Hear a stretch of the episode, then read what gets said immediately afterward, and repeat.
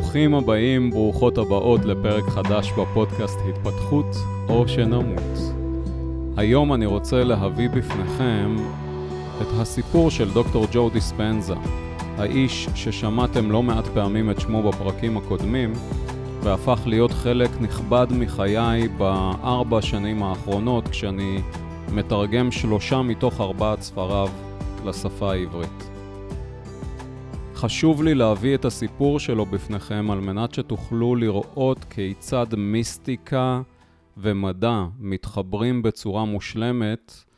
ג'ו דיספנזה לוקח את כל חזיתות המדע המוכרות, אפיגנטיקה, חקר המוח, פסיכונוירו-אימונולוגיה, פיזיקה קוונטית ועוד ועוד, על מנת להביא בפנינו את הפן ההגיוני מאוד אפילו הייתי אומר המכני, שנותן תמיכה למה שעד היום תפסנו כמיסטי, הוא נשען על היוגה בת החמשת אלפים שנה, ועל תפיסות נוספות מהמזרח, כשהוא מביא בעיקר את הפרקטיקה מתוכן על מנת שיוכלו לתרגל את הגישה שלו, גם אנשים שאינם רוחניים. גם אנשים בעלי תרבות מערבית לחלוטין, מנהגים מערביים לחלוטין, וזמן שמנוהל על פי הזמן של המערב. בתקופת לימודיו באוניברסיטה, ג'ו דיספנזה עסק המון בתרגול יוגה לצד העיסוק שלו בספורט. הוא מספר כי היה מתרגל לפעמים שלוש וארבע שעות לפני תחילת הלימודים שלו באוניברסיטה, והיה לו רצון עז להשיג שליטה בכל האסנות או התנוחות, המנחים המוכרים מהיוגה, ויש לא מעט כאלה, יש כאלה שינקבו במספרים שמגיעים אפילו למאות רבות של אסנות. ניתן להבין כי המשמעת והנחישות שלו היו גבוהות מאוד עוד בתקופת לימודיו. כשסיים הפך להיות כירופרקט ופתח קליניקה משלו. בנוסף, הוא מאוד אהב לעסוק בספורט והתאמן לתחרות טריאטלון.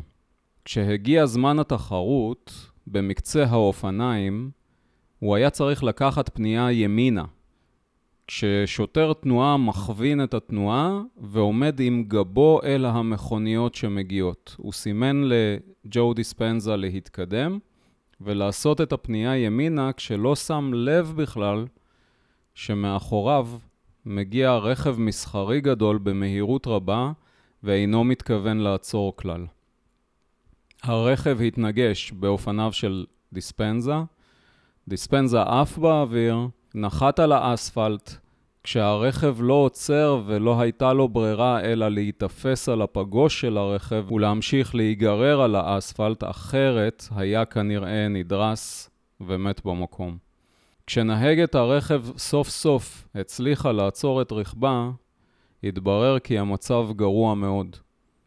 לאחר צילומים ובדיקות הוחלט שהוא צריך לעבור ניתוח מאוד מורכב, ובו ישתילו לו שני מוטות פלדה משני צידי עמוד השדרה שלו, ואז עליו לעבור תהליך של שיקום והחלמה ארוך מאוד, שבסופו במקרה הטוב יוכל ללכת בעזרת מקל הליכה, ובמקרה הפחות טוב יצטרך לשבת על כיסא גלגלים.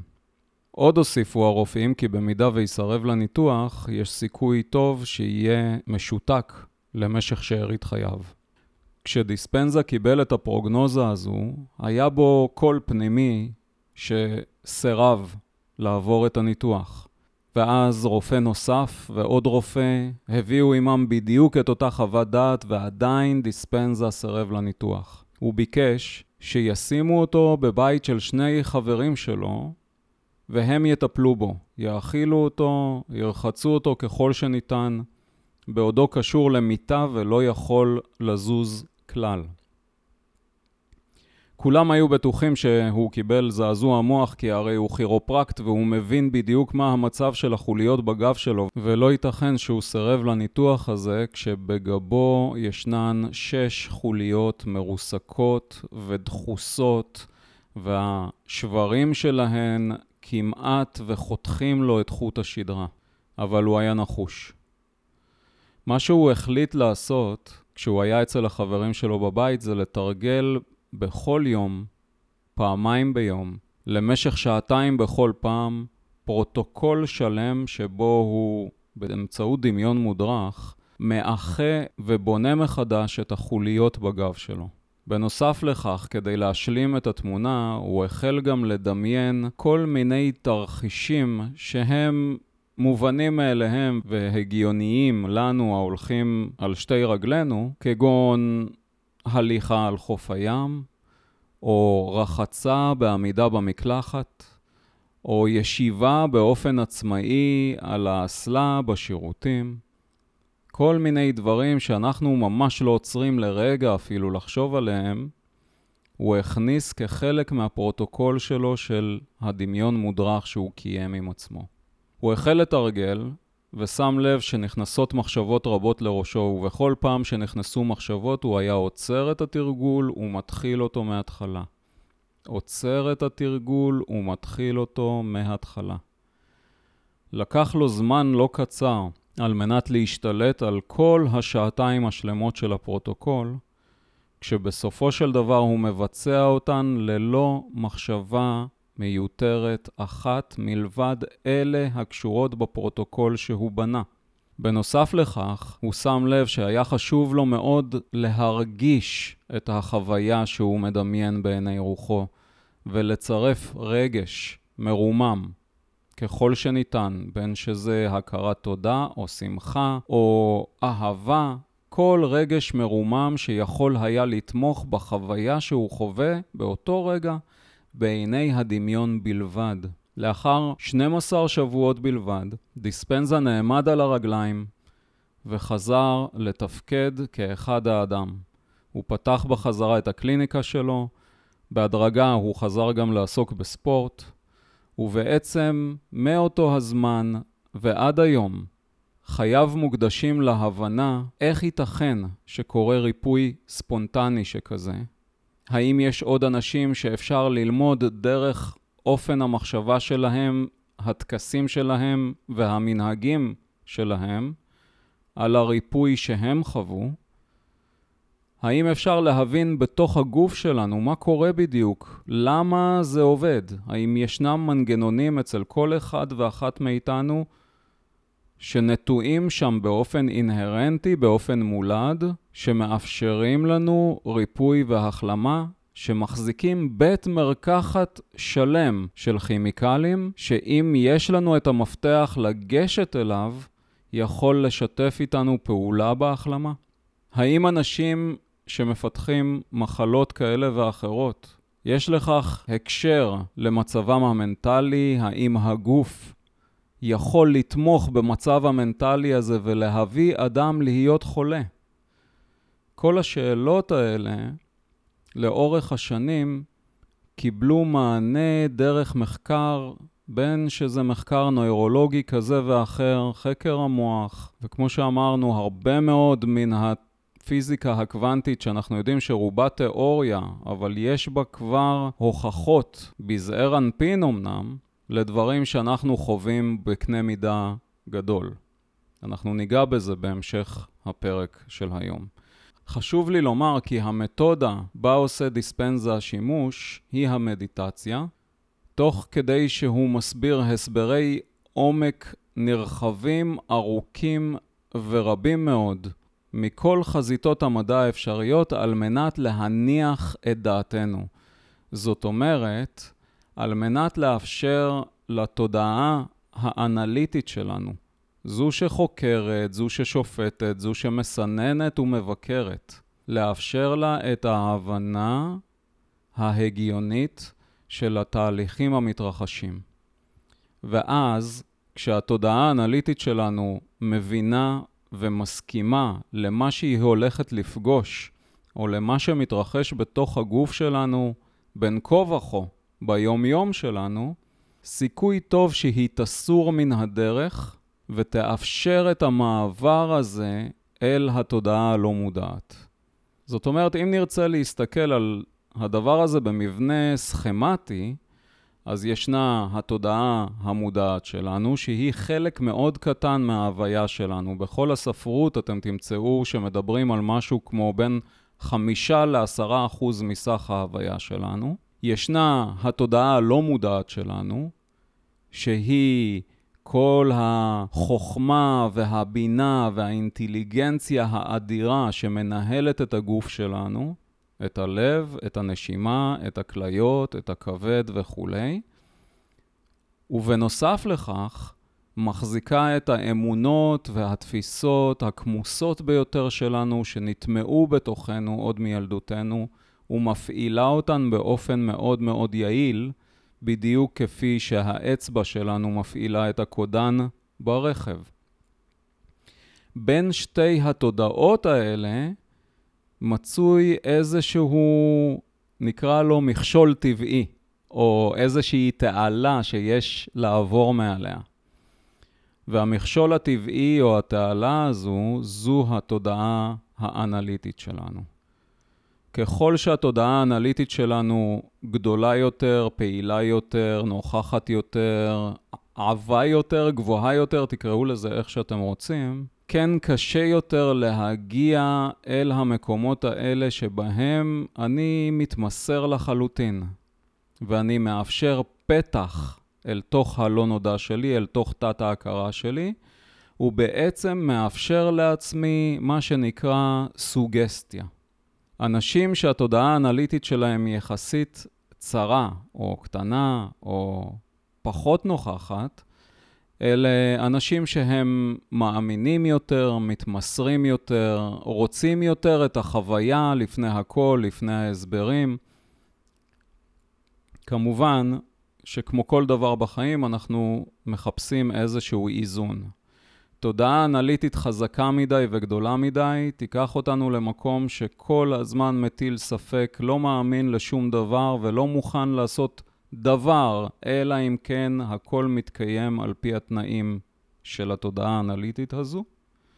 ואילו הקיצון השני הוא קיצון שבו אני מאמין לכל דבר, אני מין פטי כזה, אני נופל כל פעם למלכודות, ואין לי באמת יכולת רגע לעצור ולבדוק האם זה טוב לי, לא טוב לי, נכון לי, לא נכון לי, להטיל קצת ביקורת, שיפוט, סינון וכולי. אז לכל אחד יש איזשהו איזון, איזשהו אמצע, וכמובן שהאמצעים שלנו אחרים ושונים, אבל מה שג'ו שם לו למטרה, גם בספרים, גם בקורסים, גם בסדנאות, זה לשוחח די הרבה עם התודעה האנליטית שלנו ולשכנע אותה בהיגיון של התהליכים, בהיגיון של היכולות המצויות בגוף, בהיגיון של הריפוי ובהיגיון של בריאת מציאות. הסדנאות שלו נמשכות או סוף שבוע או שבוע שלם, לפי רמת הסדנה. הכלי העיקרי שבו עושים שימוש הוא מדיטציה. כשג'ו נתן למדיטציה את המבנה הייחודי שלו. הוא מחלק אותה לחלקים, הוא מסביר על כל חלק. התרגול הוא מאוד, אה, הייתי אומר קצת צבאי. בניגוד למי שרגיל לתרגל מדיטציות של מיינדפולנס, דיספנזה מנחה אותנו בצורה פוקדת. הוא משתדל להכניס אותנו לטראנס במדיטציה, ולכן הבחירה במוזיקה היא בחירה מאוד דקדקנית. הבחירה של הפקודות הקוליות שבהן יעשה שימוש היא גם כן בחירה מאוד קפדנית, והוא מכניס לא מעט אלמנטים מעולם ההיפנוזה, תחום שגם אותו למד וגם בו עשה שימוש לא מעט. אז חשוב שתבינו שאם אתם מתחילים או רוצים או מעניין אתכם לתרגל את המדיטציות של ג'ו, צריך זמן של הסתגלות, צריך להתרגל לצורת ההנחיה שלו וצריך להתרגל לקול שלו. באופן כללי, מומלץ לצרוך את החומר התיאורטי אותו הוא מגיש לפני שאנחנו מתחילים לתרגל את המדיטציה על מנת שבאמת נוכל להבין מה אנחנו עושים ולהסכים לעשייה הזו. הספר הראשון שתרגמתי ויצא לפני שנתיים, אם אני זוכר נכון, נקרא לשבור את ההרגל להיות עצמכם. הספר בעיקרו עוסק בהבנה של ההרגלים הנטועים בתוכנו, כיצד הם מוטמעים בתוכנו, איך אנחנו מתמכרים להרגלים האלה, איך נראה הרגל אליו התמכרנו מבחינה כימית, ממש בתוך הגוף שלנו, בתוך התאים שלנו.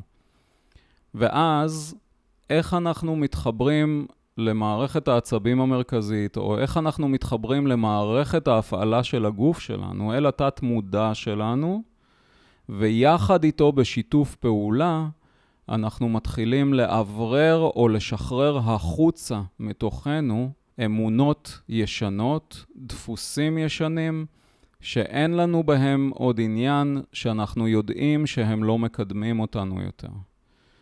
עכשיו, אני לא אספר לכם כאן את כל התורה, אבל כדאי להבין שבסופו של דבר הכל הוא אנרגיה, וכשאנחנו נמצאים במצב מדיטטיבי, קרי, גלי מוח מסוג אלפא ורצוי אפילו מסוג תטא, שם אנחנו מפסיקים לדבר עם רובד שהוא חומרי ומתחילים לדבר עם רובד שהוא אנרגטי. זאת אומרת, מעל כל מופע של חומר בגוף, אם אנחנו מדברים על כימיקלים בתוכנו, אם אנחנו מדברים על תחושות שונות בתאים בגוף שלנו, באיברים שונים בגוף שלנו, לכל אלה ישנו גם הרובד האנרגטי שאחראי עליהם ונמצא מעליהם והוא עליון להם. בדרך כלל הוא יהיה הרובד שדרכו נפנה אל הרובד החומרי בגוף. ושוב, על מנת שנוכל לבצע זאת, מתוך המדיטציה אנחנו למדים לעזוב את גלי המוח הרגילים שלנו, של היומיום, של המחשבה, גלי הבטא, ולאט לאט להאט את מוחנו אל גלי אלפא ואל גלי תטא, ומשם נפתח צוהר להתחבר עם מערכת ההפעלה של הגוף שלנו, עם תת המודע של הגוף שלנו, ומשם השיח הופך להיות שיח אנרגטי. מהמקום הזה אנחנו מתחילים לשתף פעולה עם מערכת ההפעלה של הגוף ולבקש ממנה לשחרר מטענים אנרגטיים, כיסים אנרגטיים, בועות של אנרגיה, תקראו לזה איך שאתם רוצים, לשחרר אותם החוצה מן הגוף, והן אלה הבועות או הכיסים שמכילים אמונות מגבילות, דפוסים שתוקעים אותנו בדרך, פחדים ישנים שאנחנו מחזיקים, תפיסות עולם ישנות שאנחנו מחזיקים. זה יכול להישמע מאוד משונה כשאנחנו מחפשים כל הזמן את המקום המוכר והידוע בו אנחנו רגילים לשנות חומר באמצעות חומר. זאת אומרת, אם אני רוצה לעשות חור בקיר, אני אקח מסמר ופטיש ואני אעשה חור בקיר. כך אנחנו רגילים לעבוד, כך אנחנו יודעים לעבוד, ופתאום יש לנו איזושהי בקשה להניח לזה, ולהתחיל להתמקד במה שנמצא מעבר לחומר, והוא האנרגיה. הספר השני שיצא ממש לא מזמן, נקרא אתם הפלצבו. בספר זה מובאת סקירה מאוד רחבה על תופעת הפלצבו, כיצד הפלצבו משפיע על הבריאות שלנו לכיוון של ריפוי מוחלט, ולכיוון של מוות מוחלט. זאת אומרת, אל מול הפלצבו ישנו אפקט נגדי שנקרא נוצבו. אנחנו יכולים ממש להרוג את עצמנו מכוח האמונה, כשם שאנחנו יכולים להבריא את עצמנו מכוח האמונה. עכשיו, כשאני מדבר על אמונה, שימו לב שאני לא מדבר על איזושהי משאלת לב. הלוואי ואני אהיה בריא, כן? כשאני מדבר על אמונה, אני מדבר על מקום שהוא הרבה יותר מוחלט מזה. מקום שבו אני מחזיק ידיעה מוצקה שזה מה שהולך לקרות לי. עכשיו, בצד השלילי, הרבה מאוד פעמים קל לנו. אחת הדוגמאות המאלפות בספר מדברת על קהילה שמאמינה עדיין בקללות וודו, ואדם שקילל אותו כהן וודו וכמעט מת מהקללה, כי היה משוכנע במאת האחוזים שהוא אכן עומד למות. לנו קצת יותר קשה לתפוס את הדבר הזה בצד החיובי. זאת אומרת, כשאנחנו נדרשים בצד החיובי לגייס אמונה שכזו, ולא רק משאלת לב, יש לנו קושי רב, כי שוב, מפריעה לנו תודעה אנליטית שאומרת, אתה חי בסרט. אתה לא יכול להחזיק אמונה מוחלטת כזו, כי אז אתה קצת פטי, וזה מסוכן.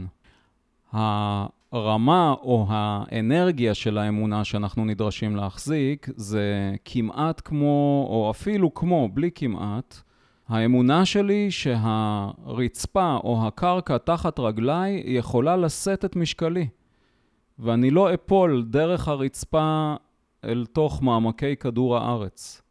יש לי ידיעה בטוחה ובוטחת. זה המקום שאנחנו נדרשים לגייס, וזה מקום לא פשוט לגייס. לכן, ככל שנצליח ליצור רגש מרומם יותר שילווה את המחשבות האלה שלנו, כך יקל לנו להגיע למקומות האלה, או קרוב מאוד למקומות האלה. באופן כללי, הספר אתם הפלצבו נותן סקירה מאוד רחבה שקשורה בריפוי ובבריאות. בהקשר של פלצבו, ומביאה המון מחקרים שמראים כמה פלא יש בתופעה הזו וכמה היא קשורה ליכולות של הגוף להתגייס לטובת הריפוי. למצוא בתוכו את הבית מרקחת השלם הזה של התרופות שלא תמיד צריך לקבל אותם ממקור חיצוני. ובנוסף, לראות כמה קל לנו בצד השלילי להאמין כשרופא מאבחן אותנו ואומר, כן, יש לך סרטן, כשלא באמת יש לך סרטן, אלא חלה איזושהי טעות. מעצם זה שאני נמצא במעמד שעומד מולי רופא עם חלוק של רופאים ותג שם והמבנה הוא בית חולים, האמונה שלי במה שאמר הרופא היא מוחלטת, כמו שהאמונה שלי בזה שהרצפה תישא את המשקל שלי היא מוחלטת. כמה קל לנו בצד השלילי וכמה קשה לנו בצד החיובי. הסיבה לכך כמובן היא מכוחו של מנגנון ההישרדות המתקיים בגופנו, שנכנס לפעולה מאוד מהר עם הלידה ומשרת אותנו, גם לטוב וגם לרע, חלקים נכבדים מאוד מחיינו. בעוד שהמנגנון שאנחנו נדרשים לעשות בו שימוש במקרים האלה, הוא מנגנון הרגיעה, מנגנון שבדרך כלל פועל כשאני בטוח לחלוטין בסביבה שבה אני נמצא ואני יכול להרפות ולהתמסר. אצל הרבה מאוד אנשים יש קושי רב להגיע למקום הזה כי אסור להרפות ולהתמסר, כי זה מסוכן. הספר שוב לוקח את המדיטציה ככלי עבודה ומלמד אותנו לעשות בה שימוש על מנת להגיע בדיוק לאנרגיה הזו, בדיוק למצב התודעתי הזה, שיוכל לאפשר לנו להתמסר, להירגע, לנשום, להתרחב ולהיפתח. הספר השלישי, שתרגומו הוגש לעריכה לא מזמן ותאריך היציאה עדיין אינו ידוע, נקרא באנגלית Becoming Supernatural. עדיין אין שם עברי סופי ולכן נשאיר את זה כך. כשבספר הזה דיספנזה הולך ומרחיב בכל הקשור לתופעות על-טבעיות, אה, העמקה בכל מה שקשור לתהליכים כימיים וטרנסצנדנטליים שקשורים בבלוטת האצטרובל שלנו, וחוויות מיסטיות עם ישויות אחרות, רבדים אחרים ומעברים בין ממדים, שהופכים את כל הסיפור הזה למעניין ומרתק מאוד. והיום אנחנו יודעים להגיד מתוך המחקרים המתקדמים ביותר והתיאוריות המתקדמות ביותר של הפיזיקה הקוונטית, שמה שדיספנזה חווה ומביא בספר הזה, לא כל כך רחוק מאותן תפיסות ותיאוריות המדברות על אין סוף יקומים מקבילים ועל קיום כל הזמנים וכל המקומות כאן ועכשיו, על היכולת להוציא את המרחק והזמן מהמשוואה וכל מיני דברים שקשים לנו מאוד לתפיסה כיום, אבל לאט לאט הולכים ומקבלים יותר ויותר מקום בתוך מעבדות המחקר, בתוך המאיצי חלקיקים הקיימים ואלה שהולכים ונבנים. ועם השנים אנחנו נלמד הרבה יותר ונראה כמה חכמה חוכמת המזרח, ויש כאלה שיגידו לגמרי גם חוכמת הקבלה והחוכמה של הסופים והחוכמה שמגיעה מהילידים באמריקה. מלבד הספרים, יש לדיספנזה שתי סדרות מצוינות בגאיה TV. גאיה TV זה כמו נטפליקס של רוחניות. שתי הסדרות שלו נקראות Rewired ו-Supernatural. אין בגאיה TV תרגום לעברית לצערי, אז לכן רק מי שמסתדר עם אנגלית. באופן כללי, כמות החומרים של דיספנזה וכמות הראיונות שלו בפודקאסטים, בתוכניות אירוח, בתוכניות רדיו וטלוויזיה היא כמות אדירה ואתם יכולים למצוא חומרים רבים מאוד ביוטיוב. חלק קטן מאוד מהם קיבל כתוביות בעברית. יש לנו את הקהילה למי שמעוניין להצטרף, שבה יש חומרים בעברית למכביר, הייתי אומר. הקהילה נמצאת בפייסבוק, אפשר לחפש אותה, היא נקראת ממידע לידע לידיעה. אוקיי? אנחנו קודם כל, ישנו מידע שנמצא בספרים, על המדפים, אנחנו קוראים אותו ואוגרים אותו בזיכרון שלנו ומבינים אותו, ואז הוא הופך לידע. ואז אנחנו חייבים לתרגל אותו בתוך חיינו. בלי התרגול, המידע הזה או הידע הזה לא שווים הרבה, וברגע שאנחנו מתחילים לתרגל אותו, הוא הופך להיות ידיעה. הוא הופך להיות חוויית הגוף שלנו, מה שאנחנו קוראים לו embodiment, ואז יש תועלת רבה לידע הזה. יש ספר של אקהרט טולה, שמאוד מצא חן בעיניי, ארץ חדשה, ובספר הוא אומר, אם אתם מתכוונים לקרוא את הספר מבלי ליישם שום דבר ממה שכתוב בו, עדיף שתסגרו את הספר, תחזירו אותו למדף ותיקחו לכם ליד איזושהי פרוזה טובה ותקראו אותה. אז זה משהו שאנשים שמתרגלים רוחניות, שמבקשים לפתח ולפתוח את התודעה שלהם, אני מאוד מאוד ממליץ לא להיעצר בשלב הקריאה. יש לנו נטייה להתאהב בלימודים. אנחנו מסיימים קורס ומתחילים עוד קורס ומסיימים אותו ומתחילים עוד קורס והנה עוד uh, משהו חינמי והנה עוד ספר שנפל לי ליד והנה עוד חוברת ואנחנו לא עוצרים לרגע להגיד אוקיי, כל הידע הזה שיושב עכשיו בתוך הראש שלי, מה אני עושה איתו? אולי כדאי שאתחיל לתרגל אותו. אולי כדאי שאתחיל לחוות אותו חוויה ראשונית שלי. כי כל עוד הוא אינו חוויה שלי ראשונית, הוא נחשב uh, פילוסופיה. הוא נחשב uh, תיאוריה מוחלטת. ותיאוריות ופילוסופיות יש לנו למכביר. אבל אמיתות אישיות מתוך חוויה אישית שלנו יכולות להופיע רק אחרי שהסכמנו לקחת את המידע הזה, להפוך אותו לידע בתוך הראש שלנו, ולהתחיל לעשות בו שימוש בתוך החיים שלנו ולהפוך אותו לידיעה. כדאי שניקח בחשבון שייתכן והחוויות שלנו שונות לחלוטין מחוויות של אנשים אחרים. כולנו צרכנו פחות או יותר את אותו מידע, והפכנו אותו לאותו ידע, אולי ידע קצת שונה, כל אחד תפס אותו אחרת. ואחר כך, כשהפכנו את הדברים האלה לחוויית גוף, יכולנו לראות שחוויית הגוף שלי שונה מחוויית הגוף שלך, שונה מחוויית הגוף שלך. ואז אין שום טעם להתווכח על אמת מוחלטת.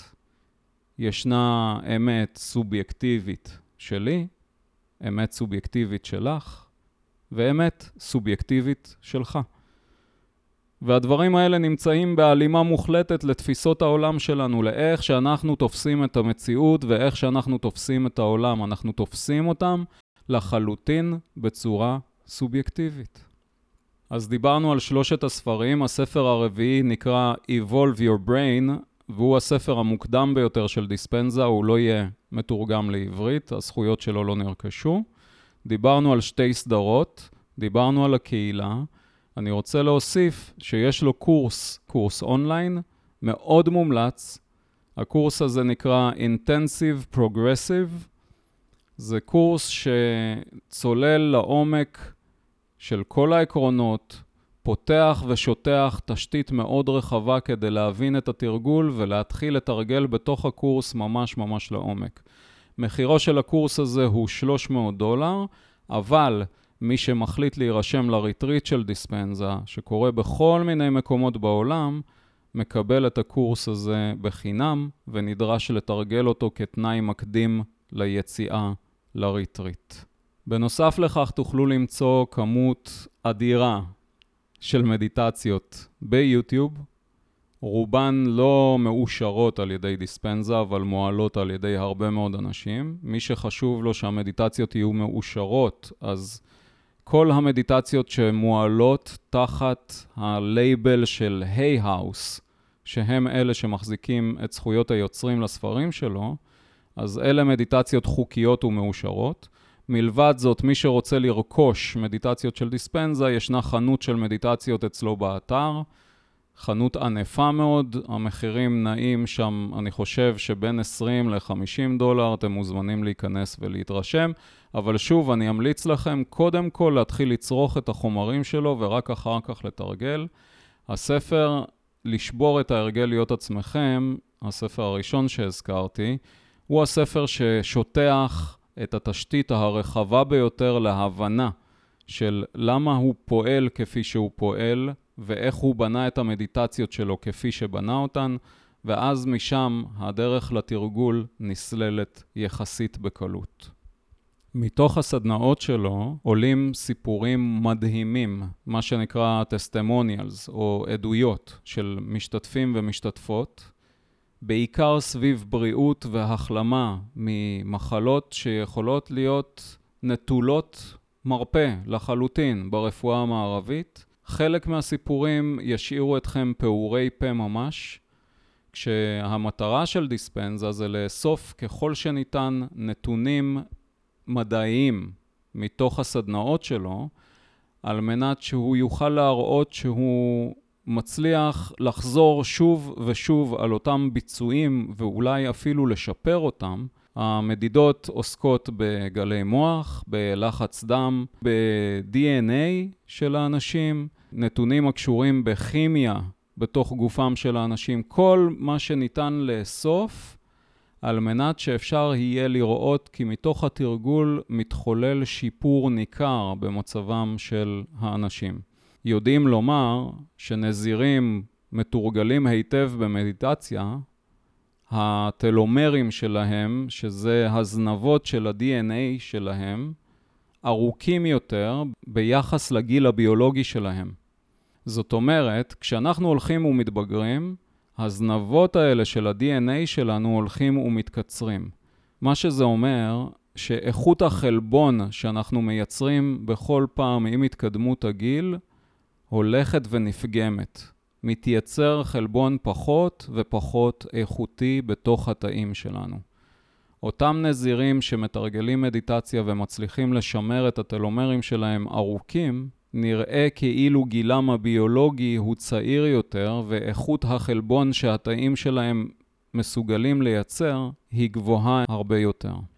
אני רוצה לגעת ככה בשתי נקודות שמתוך הפיזיקה הקוונטית יעזרו לנו להבין ממש על רגל אחת למה זה אפשרי, כל העניין הזה של ריפוי, של החלמה, של בריאת מציאות ואיך זה מתחבר לרובד של אנרגיה שנמצא מעל הרובד של חומר.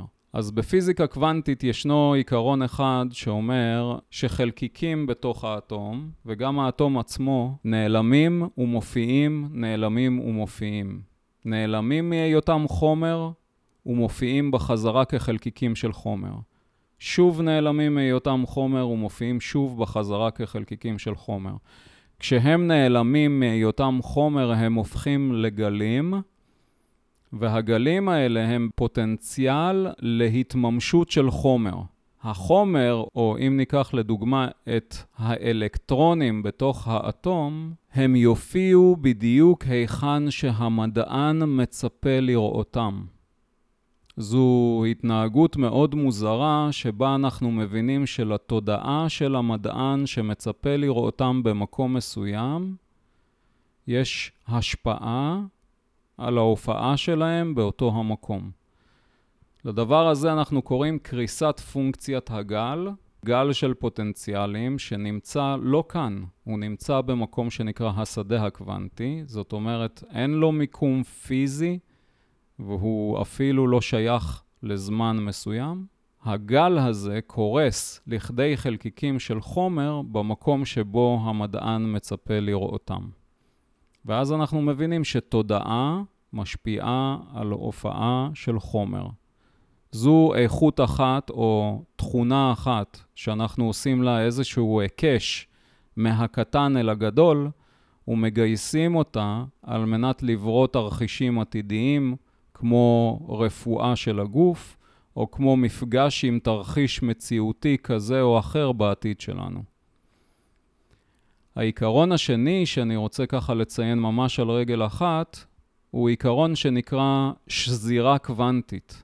שזירה קוונטית אומרת שאם ניקח שני חלקיקים וניצור ביניהם איזשהו חיבור שאנחנו לא כל כך יודעים להסביר, שהוא חיבור שנמצא מעבר למרחב ולזמן, שני החלקיקים האלה יתנהגו כמו חלקיקי מראה. לא משנה מה המרחק הפיזי שאנחנו נרחיק אותם אחד מהשני, התקשורת ביניהם תהיה מיידית. לא נדרש איזשהו פרק זמן על מנת שהם יתאמו את ההתנהגות שלהם, ולכן אנחנו יכולים לשלול שיש מידע שעובר ביניהם במהירות האור. את אותו עיקרון אנחנו רוצים לקחת לתוך החיים שלנו ולהבין שהכל מחובר. אתם יכולים לחשוב על מישהו ומיד הוא יתקשר, ובאותו אופן, לגבי בריאת מציאות חיינו, אנחנו יכולים להבין כי בגלל שהכל קשור, בגלל שהכל מחובר ובגלל שיש שזירה קוונטית שכזו, אנחנו יכולים כבר עכשיו להיות באינטראקציה עם אטומים, עם חלקיקים כאלה ואחרים הקשורים בעתיד חיינו, אותם אנחנו מבקשים לפגוש, וכבר אנחנו מסכימים לראות כי יש בינינו קשר. החלום הגדול של דוקטור ג'ו דיספנזה, או לפחות כפי שהוא הזכיר אותו יותר מפעם אחת, הוא לאסוף מספיק נתונים אמפיריים על מנת שיוכל לשכנע את הממסד הקונבנציונלי להביא לתוך אוהל מחלקה אונקולוגית שלמה של ילדים, ובעזרת ההילרים המיומנים שלו, לעשות ריפוי, כמובן בשיתוף הילדים עצמם, ושהריפוי הזה יראה לרופאים הקונבנציונליים כי התוצאות שג'ו דיספנזה מצליח להשיג בדרך זו עולות על התוצאות אותן מספקת הקונבנציה המוכרת שלנו באמצעות תרופות. נוכל לשים לב שדבר לא שונה בהרבה מתרחש כאשר ישנן אספות שלום, או כנסים מאוד גדולים שבהם באים אנשים מרחבי העולם ומתרגלים יחד מדיטציה במקום מסוים, על מנת להביא לשלום באותו אזור או לשלום עולמי. ישנם ממש מחקרים שמראים כי בזמנים שבהם מתקיימות אספות השלום האלה, וגם קצת לאחריהן, יש דעיכה ניכרת ברמת האלימות, ברמת האגרסיה והעצבים באותו אזור, והאזור מתכנס להיות שלב יותר ורגוע יותר. מה שעוד מעניין לגלות, שבערך שבועיים אחרי שההתכנסות הזו נגמרת והאנשים מתפזרים, לאט לאט המצב חוזר לקדמותו ואנחנו חוזרים לסטטוס קוו האנרגטי שאנחנו מכירים, שהוא ברובו סביב הישרדות. אני רוצה לסיים את הפרק הזה בנימה אופטימית מאוד, שמאחלת המון הצלחה לרעיון הנפלא הזה של דיספנזה, של להביא חולים ולהראות שהגישה שלו עובדת טוב יותר מהקונבנציה. עם זאת, חשוב לי לציין שלכל אורך הדרך הוא תמיד תמיד מקפיד לומר, תעשו את הטיפול הקונבנציונלי ולצידו תתחילו את התרגול הרוחני שלכם. אז מי שזה נתן לו תיאבון ופתח לו פתח, מוזמן לפנות אליי, מוזמן לחפש את הקבוצה שלנו, או לפנות אליי באופן אישי, ואני אעזור להתחיל את הדרך המופלאה הזו אל התרגול המדיטטיבי של ג'ו דיספנזה. שיהיה לכם אחלה של יום, תודה שהאזנתם, ולהתראות.